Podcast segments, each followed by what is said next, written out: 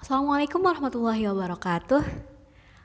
Hai teman-teman, jadi hari ini gue mau membahas tentang sebuah hal yang cukup penting sekali, jelas, karena ini berhubungan dengan orang yang banyak. Um, jujur hari ini gue bener-bener pengen ngasih ke kalian opini baru tentang seorang perokok yang gue rasa dia bener-bener kurang pinter, kurang pinter, emang gak pinter gitu ya dalam masalah itu.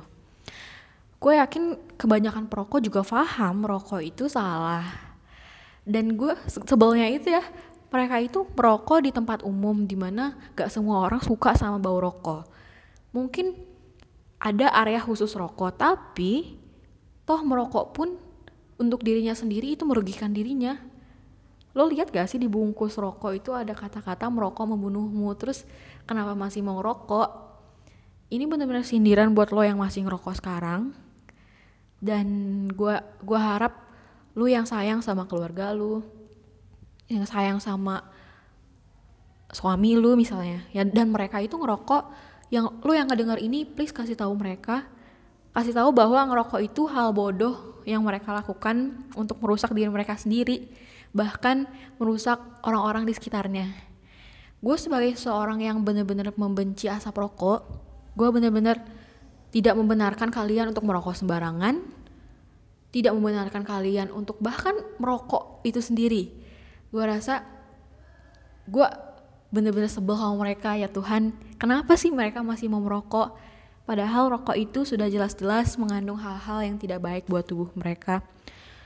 Mungkin kalau kalian nanya, mereka itu coba-coba awalnya. Terus kenapa mereka berlanjut aja gitu? Karena mereka suka ya kan?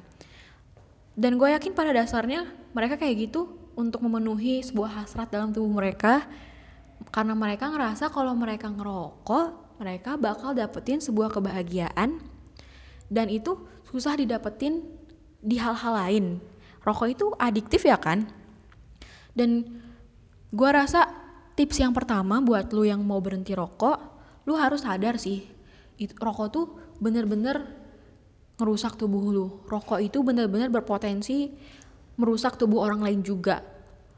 Intinya tingkatin religi religiusnya kalian dulu karena kita tahu menzolimi diri sendiri itu nggak boleh. Dan langkah kedua, lu bisa ganti rokok sama permen. Itu gue denger sih dari orang katanya kalau mau berhenti rokok boleh ganti sama permen aja karena feelnya rokok itu katanya manis. Tapi menurut gue itu menyesakan banget dan bener-bener ngeganggu. Oke, jadi buat lo yang masih ngerokok berhenti ya. Dan lo yang punya kenalan seorang perokok kasih tahu mereka buat berhenti ngerokok. Oke, makasih udah klik podcast ini. Assalamualaikum.